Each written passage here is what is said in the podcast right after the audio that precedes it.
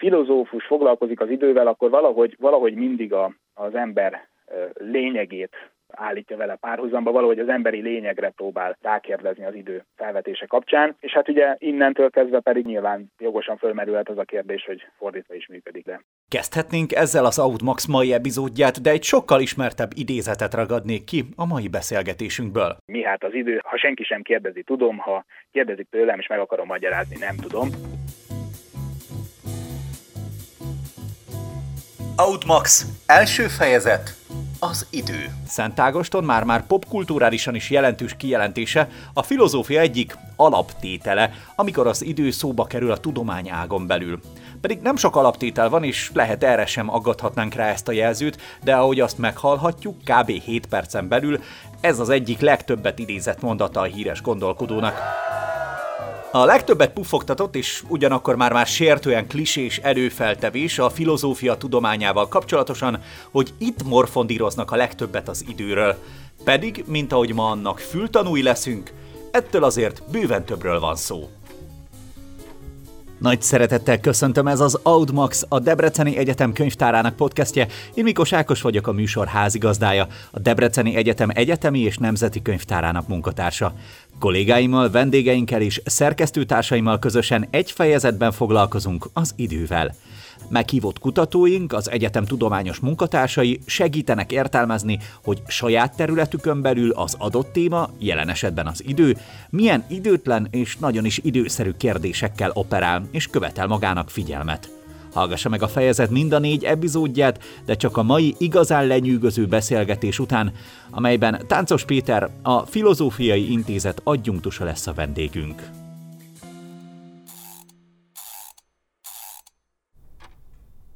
Kezdjük talán rögtön azzal, hogy amikor a fizikatudomány területén belül beszélgettünk az időről, akkor ott konkrétabb fogalmakkal is találkozhatunk, míg a filozófiában szerte ágazó az, hogy az időről mit gondolhatunk.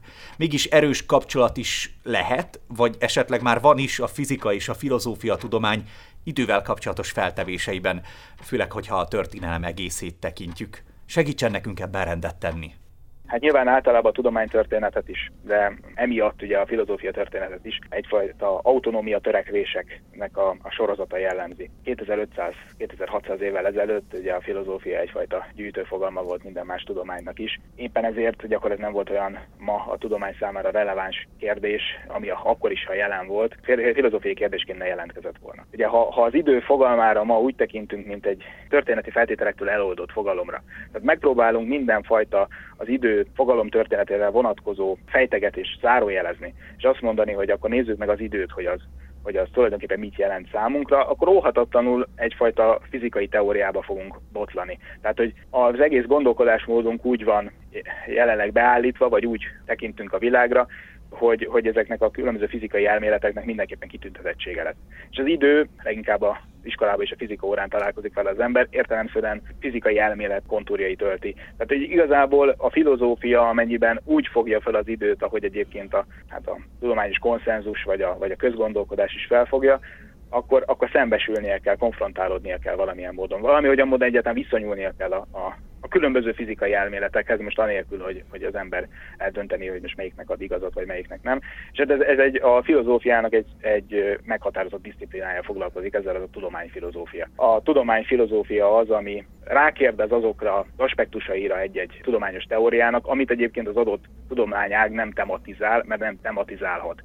Például megnézi azokat a metafizikai prekoncepciókat, azokat a látens háttérfeltevéseket, ami egy-egy tudományos teória mögött húzódik. Ám a maga a tudományág nem vetheti fel ezt a kérdést, hiszen akkor az önön létjogosultságát kérdőjelezné meg, túlmerészkedne a saját határain túl. Tehát mondjuk a tudomány filozófia megnézi, hogy ha ezt és ezt gondolom fizika tudomány keretrendszerén belül az időről, akkor az milyen háttérfeltevéseket rejt maga mögött. És ez nyilván ez egy speciális terület, valaki ezzel foglalkozik, legalább annyira kell értenie a fizikához, mint a filozófiához, tehát egyik sem megspórolható. Hogyha így nézzük az időt, és így a maga általánosságában mindenféle fogalomtörténeti kitekintés nélkül akarjuk megvizsgálni, akkor előbb-utóbb úgyis a, a fizikai időfogalmaknál lyukadunk ki, és akkor elkezdünk arról vitatkozni, hogy és tulajdonképpen kinek van igaza, kinek nincs, és hogy ez milyen háttérfeltevéseket implikál. Nyilván az egész filozófia történetet átszövi az időről való spekuláció, tehát hogy, hogy egészen a közelmúltból is találni markáns teóriákat az időről, és hát nyilván már az első görög filozófusoknál is megjelent. Hát most csak úgy véletlenszerűen kiválasztva mondjuk ugye lehet mondani Hérakleitoszt, akinek ugye a, az időről vagy az örökké valóságról mondja ugye azt, hogy gyermek, aki e, ostáblát játszik, és hogy a gyermek királyi az uralom, tehát, hogy az időnek, vagy itt az örökké valóként felfogott időnek van egy ilyen nagyon érdekes kozmikus struktúrája, de ugye wow, ott is megjelenik az a ciklikus felfogás, ami a későbbiekben is például nincs jelentőségre tesztelt, más szempontból persze. Tehát igazából nagyon-nagyon-nagyon sokféle felfogás van a filozófia történetben az időről, csak hogy ezeket nagyon nehéz közös nevezőre hozni. Mert különböző korokat tekintünk, különböző nyelveken gondolkodó filozófusokat nézünk. Mindegyiknek más és más szemléleti háttere van, másként gondolkodik a világról, más gondolkodási stílusok húzódnak a háttérben. Mind térben, korban, korszakban, nyelvhasználatban, gondolkodási attitűdben el, eleltérőek ezek, a, ezek a, az attitűdök. Éppen ezért ugye nagyon nehéz közös nevezőre hozni őket. Tehát, hogy nem, nem nagyon tud bele az ember ilyen szempontból mit kezdeni, és akkor óhatatlanul eljut oda, amit egyébként a Szent Ágostól szoktak mindig idézni, ugye ez a mondás, hogy mi hát az idő, hát ha senki sem kérdezi, tudom, ha kérdezik tőlem, és meg akarom magyarázni, nem tudom. Ezt annyira sokszor szokták Szent Ágostól idézni, hogy már általában azért szabadkoznak, hogy már unalmas, hogy annyira unalmas, hogy mindenki azt idézi, tehát hogy igazából ez egy ilyen nagyon közkeletű frázis. De hogy ez, ez mégiscsak itt idevág és érdekes lehet, mert ugye arról van szó, hogy hogy óhatatlanul a végén eljutunk egy ilyen ha tetszik, szemantikai problémához, mert hogy valóban még azt sem tudjuk meghatározni, hogy ezt fogalomként kezeljük, vagy miként.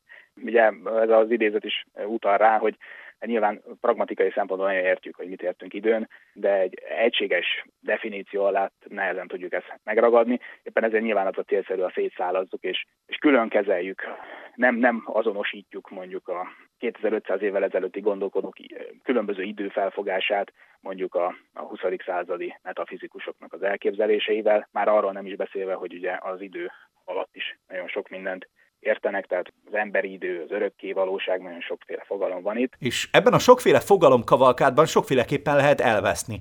Azonban most maradjunk még egy kicsit Ágostonnál, hogy egy rövid, szórakoztató anekdotával eljussunk Luther Mártonig. A vallomásoknak ugyanazon a pontján, ahol ez a ismert idézet is szerepel, ott fölmerül az a kérdés, amit, amit nyilván mint egy, egy ostoba gondolatot tulajdonképpen elvet Ágoston, hogy hát ugye tulajdonképpen mit csinált Isten a világ teremtése előtt. Korszakon keresztül akkor a Isten semmit sem csinált, mert hogy, hogyha Isten örökkévaló, a világ meg, meg teremtett, akkor Istennek szinte egy örökkévalóságonak semmi dolga nem volt, és ott tétlenkedett egymagában.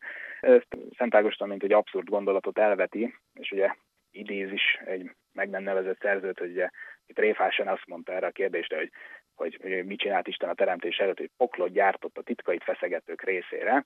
És hát végül is ugye nyilván Ágoston nem itt ragad le, hanem az lesz a válasza, hogy hát az időt is maga Isten teremtette, tehát értelmetlen arról beszélni, hogy mit csinált Isten a teremtés előtt, hiszen az előtt idő sem volt, e, és így a kérdés értelmezhetetlen. De ez már tulajdonképpen egy, egy még ha Ágoston ezt egy bizonyos értelemben nevetséges kérdésfelvetésnek is mutatja be, de mégiscsak egy, egy filozófiai problémafelvetés, ami rámutat az időről való gondolkodás paradoxitására sok tekintetben. És egyébként érdekes, hogy ez a gondolat, hogy mit csinált Isten a teremtés előtt, ugye ennek a mondásnak, amit Ágoston is idéz, ugye egyik variációja, amit Luther Mártonnak tulajdonítanak, hogy egyszer megkérdezte tőle, hogy mit csinált Isten a teremtés előtt, és azt mondta, hogy veszőt faragott azoknak a hátára, akik ilyen kérdéseket fogalmaznak meg. És Sören Kierkegaard a 19. század elején az egyik hát befejezetlenül maradt bohózatában fel is használja, és a ilyen filozófiai bohózatának a címlapjára azt a képet szállja, hogy Luther éppen veszőt farag, ugye a, a ostoba kérdéseket feltevő embereknek, tehát hogy ennek nyilván van egy nagy utóélete, és hát Ágoston itt az időről még azt állítja, hogy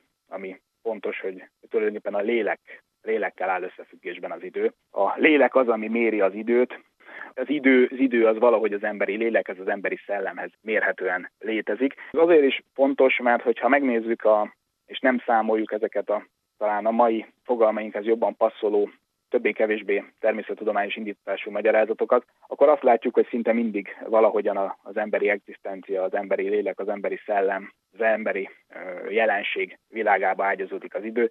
Ugye a 20. század elején Bergson is úgy határozta meg az időt, mint ami egy kvalitatív sokaság szemben a tér, térrel, ami meg egy kvantitatív sokaság. Tehát, hogy a, a, a tér az mérhető, tagolható dolog, valami, ami részekre bontható, az idő az oszthatatlan és homogén. Tulajdonképpen egyfajta tiszta tartam, folyamatos jelenlét. És ehhez csak ez nem a, a méricskélő, elemző logikával férünk hozzá, hanem csak az intuícióval. És hát ugye Bergson majd az egyik könyvében ugye majd Einsteinnek a relativitás elméletével is megpróbálja összeegyeztetni, vagy hát valahogyan vonatkozásba hozni ugye a saját időfelfogását. A relativitás elméletről, de főleg annak az időre is vonatkoztatható részéről egyébként bővebben hallhat az Audmax Podcast első fejezetének harmadik epizódjában, ahol dr. Szabó István, ahol dr. Szabó István, a Fizikai Intézet intézetigazgatója a vendégünk. Na de vissza Táncos Péter adjunktushoz. Van még más ismertebb filozófus, aki sokat foglalkozott az idő kérdésével? Heideggert is mondhatnám, tehát Martin Heideggert, aki az idő szintén ugye a jelen való léthez, vagy itt léthez, a saját létmódjával törődő emberi szubjektummal hozza a vonatkozásba. Maga a mi emberi létünk az, ami, ami időbeli vagy idői, és hát ugye ez a fajta mi idő, időhöz való viszonyunkat alapvetően ugye a saját végességünk tudata határozza meg, tehát az, az, a, az a felismerés, hogy a, a létünk az egy halálhoz tartó lét, tehát hogy folyamatosan tudatában vagyunk annak, hogy meg fogunk halni, és ez a végesség tudat az, ami meghatározza az idő tapasztalatunkat. Ahogy ugye Ágostonnál a lélek kell áll összefüggésbe az idő, tehát hogy nem egy objektív mérőeszköz tudja az időt struktúrálni, hanem az emberi lélek. Ugyanúgy Heideggernél is az egyik tanulmányában megjelenik az a gondolat, ugye nem a, az óra az, ami méri az időt igazából, vagy hát az a mérhető idő az nem az az igazi idő, hanem, a, hanem az emberi jelen való lét számára van adva az idő. Tehát, hogy Heideggernél ez valahogy az egzisztenciával függ össze, Bergsonnál pedig ugye megint csak a mélyénnel valami a, a mi lényegi valónkkal. Tehát mind a három gondolkodó, és ez többé-kevésbé igaz akár a, a legtöbb ilyen metafizikainak is nevezhető filozófiai koncepcióra, hogy valamilyen módon az emberi jelenléttel, az ember legsaját legegyszerűbb, legsajátosabb létével hozza összefüggésbe az időt. Tehát míg a tér az valahogy a testiséghez, a kiterjedtséghez a tapad, addig az idő ahhoz a valamihez, ami, amit mi a legsajátabb vonásunknak érzünk, ami, ami ugye nyilván itt most keresem a fogalmakat, mert ugye három különböző fogalmi hátterű gondolkodóról van szó, ráadásul ugye nem mindegyikre lehet ugyanazokat a jelzőket illeti, de valahogy, valahogy az emberben van valami, ami őt saját magává teszi, és ez valahogy az időhöz kötődik. Ez így elsőre lehet nagyon mi, vagy éppen pont magas volt, de a hétköznapi időfelfogáshoz közel azért állnak gondolkodók, akiknek a felfogása már ismertebb lehet számunkra. Ilyen például Immanuel Kant gondolatmenete. Ugye őnek is nagyon összetett időszemlélete van, és sok művébe tematizálja az időt, beszél ő is örökké valóságtól kezdve nagyon sok problémán át, de a, valószínűleg a leghíresebb művében, ugye a tiszta kritikájában egy fejezetben őt ugye kifejti, hogy a, a tér, ugye az idő is tulajdonképpen a szemléletünknek egy a priori formája, tehát nem a ténylegesen létező dolgokat jellemzi, jellemzi a téridőbeliség, hanem már minden tapasztalatunkat ez a, ez a fajta szemléleti mód tesz lehetővé.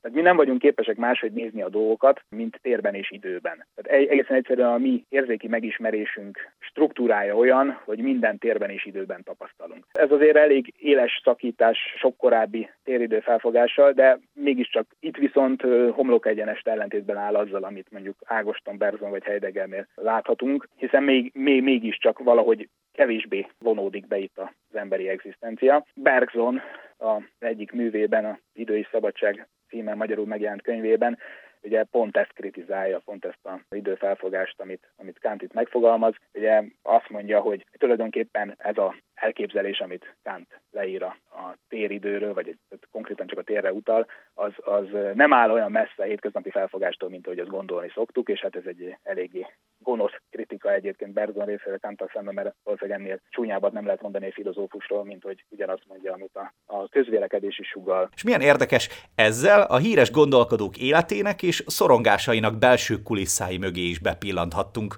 Ha pedig már szorongások és híres gondolkodók, na meg persze idő, akkor ideje beszélnünk az egyik leghíresebbről, akinek több gondolatkísérlete is volt az idővel kapcsolatosan, amely segíthet, hogy helyre rakjuk magunkban, hogy hogyan gondolhatunk az időre. Ha az idő arról árulkodik, hogy mi hogyan viselkedünk, akkor felvethetjük azt a kérdést, hogy ha másként vélekednénk az időről, mint ahogy vélekedünk, akkor megváltozna a viselkedésünk is, a hétköznapi életvitelünk, vagy az erkölcsi szokásaink, vagy hogy például milyen időfelfogás lenne az, ami leginkább a legproduktívabb, legkellemesebb, leggondtalanabb, vagy éppen a leg, leg, ki, leginkább kihívásokkal teli életet eredményezni.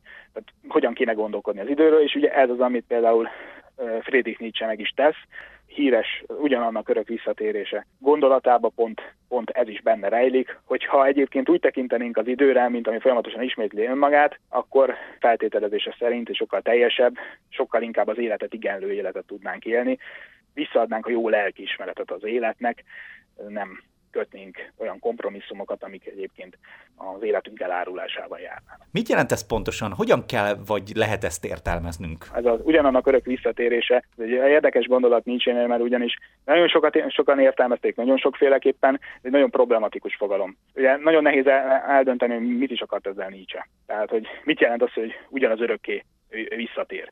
Az így szól az is ugye ott van az a kapu jelenet, de a vidám tudománynak is van egy passzusa, a 341. aforizma, aminek az a címe, hogy a legnagyobb súly. Azt a kérdést veti fel Nietzsche ebben, hogy ha odalopozna az emberhez egyik éjszaka egy démon, és a fülébe sugdosná, hogy, hogy ez a pillanat minden terhével és örömével együtt örökké és örökké visszatérnek, akkor hogyan reagálnánk erre. Földre vetnénk magunkat elszörnyedve, és ordítoznánk a fájdalmunkba, vagy pedig azt mondanánk, hogy Isten vagy, és ennél istenébet nem hallottam még soha. Azt mutatja meg, hogy alapvetően egyfajta próbatételként tekintett erre a gondolatra. Tehát azt teszteli, hogy milyen életet élünk. Egy olyan életet, amire újra és újra a végtelenség igen tudunk mondani, tehát újra és újra szívesen végigélnénk ugyanazt az életet, mert annyira jó volt, vagy pedig azt mondanánk, hogy az életet egyszer is bőven elég volt végigélni, e borzasztó az a gondolat, örökké valóan újra és újra élnénk. Nyilván ebben nagyon sok probléma van, mert hát ugye honnan, honnan emlékeznénk arra, hogy mi örökké újra éljük, hogyha stb. De nyilván vannak, akik ezt szépen szét is elemzik, hogy mennyire tartatatlan ez a gondolat a maga, ha komolyan vesszük a koncepciót tartalmilag. Ugye például Arthur C. Danto is hosszasan boncolgatja ezt, hogy milyen logikai bukfencek vannak a gondolatban, ami igaz is, csak hogy Nietzsche eléggé nyilvánvalóan ez nem egy a világot leíró, vagy ugye a kollégám nevezi prezentációs elméletnek tartotta, nem azt gondolta, hogy ez adekvátan leírja a világ működésmódját, hanem arra volt kíváncsi, hogy ez milyen módon hat a gondolkodásunkra. Tehát ez át tudja alakítani az életünket. Ugye nem véletlenül nevezi ezt Nietzsche a gondolatok gondolatának. Egy olyan gondolati formulának, ami a maga tömörségében és a maga egyszerűségében az egész világképünket, világnézetünket, életvitelünket át tudja alakítani, ezt komolyan vesszük. Ugye az egyik probléma ezzel kapcsolatban az, hogy ugye Nietzsche saját állítása szerint egyébként 1881. augusztusában a Filna Planató partján sétált, leheveredett egy, egy háromszög alakú kőnél, és ott belé hasította visszatérés gondolat, és ugye beírta a jegyzetfüzetébe, hogy 6000 lábnyira túl emberen és időn, és ott megvilágosodott. De hogy ez problémás ez a reveláció gondolat, mert hogy bizonyítható, hogy Nietzsche előbb is ismerte már a ciklikus időfelfogást, hiszen eredetileg klasszika filológus volt, és az antikvitásban ez egy jól ismert teória volt. Tehát, hogy nyilvánvalóan itt, itt Nietzsche nem azt ismerte föl, hogy létezik ilyen gondolat, hanem hogy ez a gondolat lehet az a, az a gondolat, amivel vissza lehet adni az életnek a saját értékét. Tehát egy ilyen időfelfogás megváltoztatja az egész életvitelünket is. Ez az Audmax, a Debreceni Egyetemi Könyvtár tudományos műsora. És ha már itt szóba került Nietzsche klasszikus kötete az Imigyen szól a Zaratusztra, akkor szeretnénk ajánlani egy másik kötetet is. Méghozzá a Debreceni Egyetem Filozófia Intézet filozófus esztéta író oktatójának Hévizi Ottónak könyvét, amely jócskán szentel figyelmet az idő kérdésére. Ez a 2013-ban megjelent idő és szinkretizmus állandó tekintettel Nietzsére című kötete, amely egyébként a Debreceni Egyetem könyvtárában is megtalálható, ha időt szánnának arra, hogy elmélyedjenek benne. Na de térjünk egy kicsit vissza Táncos Péterhez, mert ha már könyvekről értekeztünk, akkor van egy érdekes aktualitása a könyveknek, a filozófiának és jelenleg is a hétköznapjainkat tematizáló vírusveszélynek. A Quibit tudományos magyar lap írt arról április végén a Penguin Random House amerikai könyvkiadó adataira hivatkozva, hogy Marcus Aurelius elmélkedéseiből 28%-kal fogyott több 2020 első negyedévében, mint egy évvel ezelőtt. Seneca erkölcsi leveleiből pedig 42%-kal többet adtak el, mint tavaly. Ez utóbbiból márciusban 356%-kal több fogyott e-könyv formátumban, mint egy éve. Ilyen szempontból a cikk szerint a sztoicizmus kifejezetten szimpatikus filozófiai irányzatnak tűnhet válság idején, ráadásul gyakorlati tanácsokkal szolgál baj idejére, már ami a vírus veszélyt illeti. Legegyszerűbb üzenete egyébként az, hogy az embernek rá kell jönnie, hogy min változtathat, és mibe kell beletörődnie. Az öregedés természetes folyamat, a halál pedig elkerülhetetlen. Ezek miatt aggódni felesleges, ha valaki beteg, vagy meggyógyul, vagy meghal, ha pedig meghal, vagy szétszóródik az atomok között, vagy ahogy Marcus Aurelius írja, felszáll a világ alkotó szellemébe. A stoicizmusnak is az egyik alapállítása az, hogy igen, a szenvedélyekről le kell mondani, azoktól tartózkodni kellene. Ha csak így nézzük, hogy a, nem hagyhatjuk, hogy a szenvedélyek eluralkodjanak rajtunk, ha csak ennyit állítunk a stoicizmusra, akkor nagyjából minden, szinte minden premodern és koramodern filozófiai iskolára igaz ez, ez, ez, ez szinte közös nevező mindegyikben.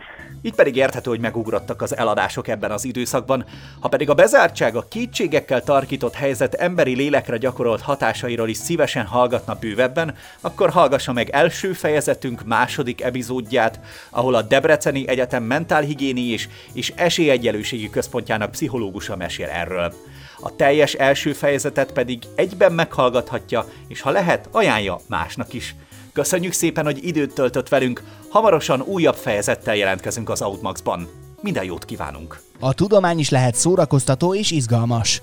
Ez az Audmax, a Debreceni Egyetem könyvtárának tudományos podcastje.